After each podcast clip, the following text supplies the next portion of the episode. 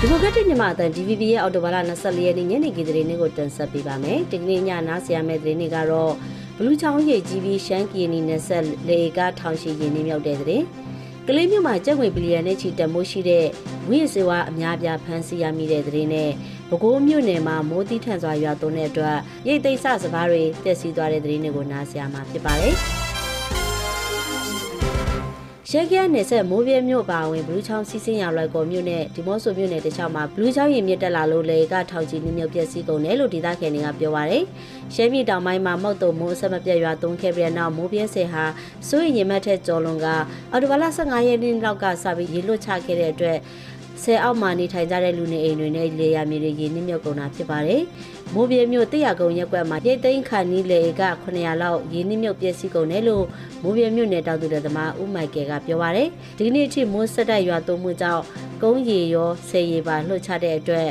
လူချောင်းရည်တစ်ချောင်းလေကအလုံးရည်နှမြုပ်ကုန်တာလို့ပြောပါရယ်အလားတူဘလူးချောင်းစစ်စစ်ရလွယ်ကော်မြို့နယ်နဲ့ဒီမော့ဆိုမြို့နယ်ဘက်မှာလည်းလေကအတော်များများရေဝင်နှမြုပ်ပျက်စီးကုန်ပါတယ် လွယ်ကော်မြို့ဖျားနီနဲ့ဒီမော့ဆိုမြို့နယ်ဖျားဖြူကျေးရွာဘက်ကလေကတွေဟာလည်းလေကွက်တွေထဲရေလေးပေလောက်ရေနှမြုပ်ပျက်စီးကုန်တယ်လို့ဖျားနီကျေးရွာတောင်သူဦးဝင်းအောင်ကပြောပါရယ်မိုးရွာသွန်းမှုတွေအပြင်မိုးပြဲစရိပ်ဖောက်ချတဲ့အတွက်လည်းညချောင်းဘေးမှာအဆင်ပြေသလိုတိတ်ဆောင်နေကြတဲ့စစ်ပေးချောင်းအိတ်ချေ900လောက်ဟာလည်းရေကြီးတဲ့တန်ခံနေရတဲ့အတွက်နေထိုင်လို့မရတော့ပဲရေဘေးလွတ်ရာကိုထပ်ပြီးရွှေ့ပြောင်းခဲ့ရတယ်လို့ဖျားနေကျေးရွာဒေသခံတွေကပြောပါရယ် ဖျားဖြူဖျားနေဝါရီကောခုစံပြကျေးရွာအုပ်စုဒေါ်ဘော့ကလေးကျေးရွာအုပ်စုစတဲ့ရှမ်းကရနယ်ဆက်ကဘလူးချောင်းတစ်လျှောက်ခမ်းမန်းလေကတထောင်ဝန်းကျင်ရှိပြီးအကောလုံးလေးပါရင်းနှီးမြုပ်ကုန်တယ်လို့ကရင်လူခွင့်ရေးအဖွဲ့စီကသိရပါတယ်ရှင်။စကိုင်းတိုင်းရွှေဘုံမြို့အမှတ်9ရပ်ကွက်ရှိပြည်သူ့စေယုံကြီးဝင်းအတွင်းမှာဘုံပေါက်ကွဲမှုဖြစ်ပွားပြီးမျိုးသမီးတစ်ယောက်ထိခိုက်ဒဏ်ရာရရှိခဲ့ပါတယ်။အဲ့ဒီဒဏ်ရာရရှိတဲ့သူကိုစစ်ကောင်စီတပ်ဖွဲ့ဝင်တွေကဖမ်းဆီးစစ်ဆေးနေတယ်လို့မြို့ကနေစီကနေသိရပါတယ်။ အော်တိုဘာလ23ရက်မနက်10:00နာရီကျော်ကစေယုံကြီးဝင်းအတွင်းစေယုံအုပ်ရုံခန့်အနီးစိုက်ကယ်တစည်းနဲ့လူလက်ပိုင်းမျိုးသား2ဦးစေယုံဝင်းအတွင်းရှိစစ်ကောင်စီတပ်ဖွဲ့ဝင်တွေရဲ့လုံခြုံရေးဂိတ်ကိုဘုံနဲ့ပစ်ခတ်ချိန်မှာအနီးနားမှာရှိတဲ့အမျိုးသမီးဘုံစားထိမှန်ဒဏ်ရာရရှိခဲ့တာကိုစစ်ကောင်စီတပ်ဖွဲ့ဝင်တွေကစေကူတာခွင့်မပေးဘဲဖမ်းဆီးစစ်ဆေးနေရလို့သိရပါတယ်။စစ်ကောင်စီဝါရပြန် Telegram Channel တွေမှာတော့လုံခြုံရေးကကိုဘုံလာပစ်တဲ့အဖွဲ့ကမြို့သမီးလက်ထဲမှာရင်ဘုံပေါက်ကွဲတာလို့ဆွဆွဲဖော်ပြထားပြီး အရေးယူနိုင်မှုမြို့နယ်ရဲစခန်းမှာစစ်ဆေးနေရလို့ဖော်ပြထားပါတယ်။မတ်လ28ရက်နေ့ကလည်းရွှေဘုံမြို့ကားကြီးဝင်းနီမှာပေါက်ကွဲမှုဖြစ်ပွားခဲ့ပြီးနှစ်ဦးသေဆုံးကအယောက်20ခန့်ထိခိုက်ဒဏ်ရာရခဲ့ပါတယ်။စကိုင်းတိုင်းကလေးမြို့နဲ့14မိုင်ခန့်အကွာနှက်ကြီးကုန်းကျေးရွာနေကလန်းပေါ်မှာ ကာလတံမိုးကျပ်ငွေ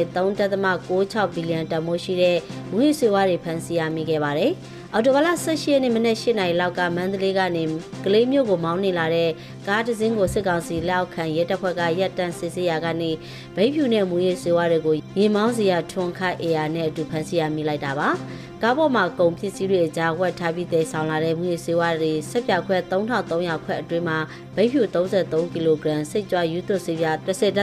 သိန်းသိစီရမိခဲ့တာဖြစ်ပါတယ်။ကွင်းဆက်တရခန့်ကိုလိုက်လံရှာဖွေရမှာတော့မူရစေဝါဆက်ဆက်တရခန့်မန္တလေးအောင်မြင်တန်စာမြို့နယ်ပြည်ကြီးရန်လိုရက်ွက်နေသိန်းထွန်းအောင်ခချမ်းမြအောင်ခချမ်းမြကိုနေအိမ်မှာအော်တိုဘာလ19ရက်နေ့ကဖမ်းဆီးရမိခဲ့တာလို့ CCDAC မြန်မာကထုတ်ပြန်ထားပါတယ်။ကလေးမြို့မှာမြို့ပေါ်တွေတင်တာမက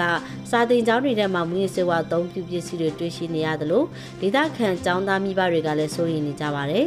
စစ်တပ်အာဏာသိမ်းပြီးတဲ့နောက်ပိုင်းကလေးမျိုးမှာမူရစေဝါသုံးဆွဲမှုတွေကိုပေါ်တင်ကျူးလွန်နေကြပြီးအခုဖမ်းဆီးရမိတဲ့နေရာကလည်းစစ်တပ်ရုံးတွေနဲ့ဖြူစောထီတွေရှိတဲ့နေရာဖြစ်ကြောင်းလည်းဒေသခံတွေကပြောပါတယ်။ပဲခူးမြို့ပဲခူးမြို့နယ်မှာစပားရည်သိမ်းမှုတွေလုပ်နေရင်အော်တိုဘာလ22ရက်နေ့ကမိုးသည်ထံအောင်ရွာသွန်းတဲ့အတွက်စပားရီကတထောင်ဒီပါလုံးဝပျက်စီးသွားခဲ့တယ်လို့စပားစိုက်ပျိုးတဲ့တောင်သူတွေကပြောပါတယ်။စိုက်ပျိုးရေးဌာနကလည်းလာကြည့်တာမရှိဘဲလက်ရှိစပားရိတ်နေရင်မိုးရွာတဲ့အတွက်မြေကြီးမှာသွားကတ်ကုန်တာလို့စပားစိုက်တောင်သူကပြောပါတယ်။ မြေကြီးမှာကတ်နေတဲ့စပားပင်တွေဟာရိတ်သိမ်းဆက်နဲ့ရိတ်လို့မရတဲ့အတွက်လူအားနဲ့ရိတ်ဖို့ကြိုးစားခဲ့ပေမဲ့လောက်သားစိတ်ကြီးတာကြောင့်မရိတ်သိမ်းတော့ပဲပျက်စီးခံလိုက်တော့တယ်လို့သူကဆက်ပြောပါတယ်။ပဲခူးမြို့မှာအော်တိုဘာလ10ရက်နေ့ကမိုးသည်ထောင်ရွာသွန်းပြီးပဲခူးမြို့ရေတက်တာကြောင့်စဘာခင်းကြီးပျက်စီးခဲ့ပြီးအောက်တိုဘာလ22ရက်နေ့မှာရာသီဥတုပုံမှန်ပြန်ဖြစ်လာတာကြောင့်ရေသိမ်းမှုတွေလှုပ်ဆောင်နေကြတာဖြစ်ပါတယ်။အောက်တိုဘာလ10ရက်နေ့ကပဲခူးမြို့ရေကြီးမှုမှာရေနစ်မြုပ်ခဲ့တဲ့စဘာခင်းဧက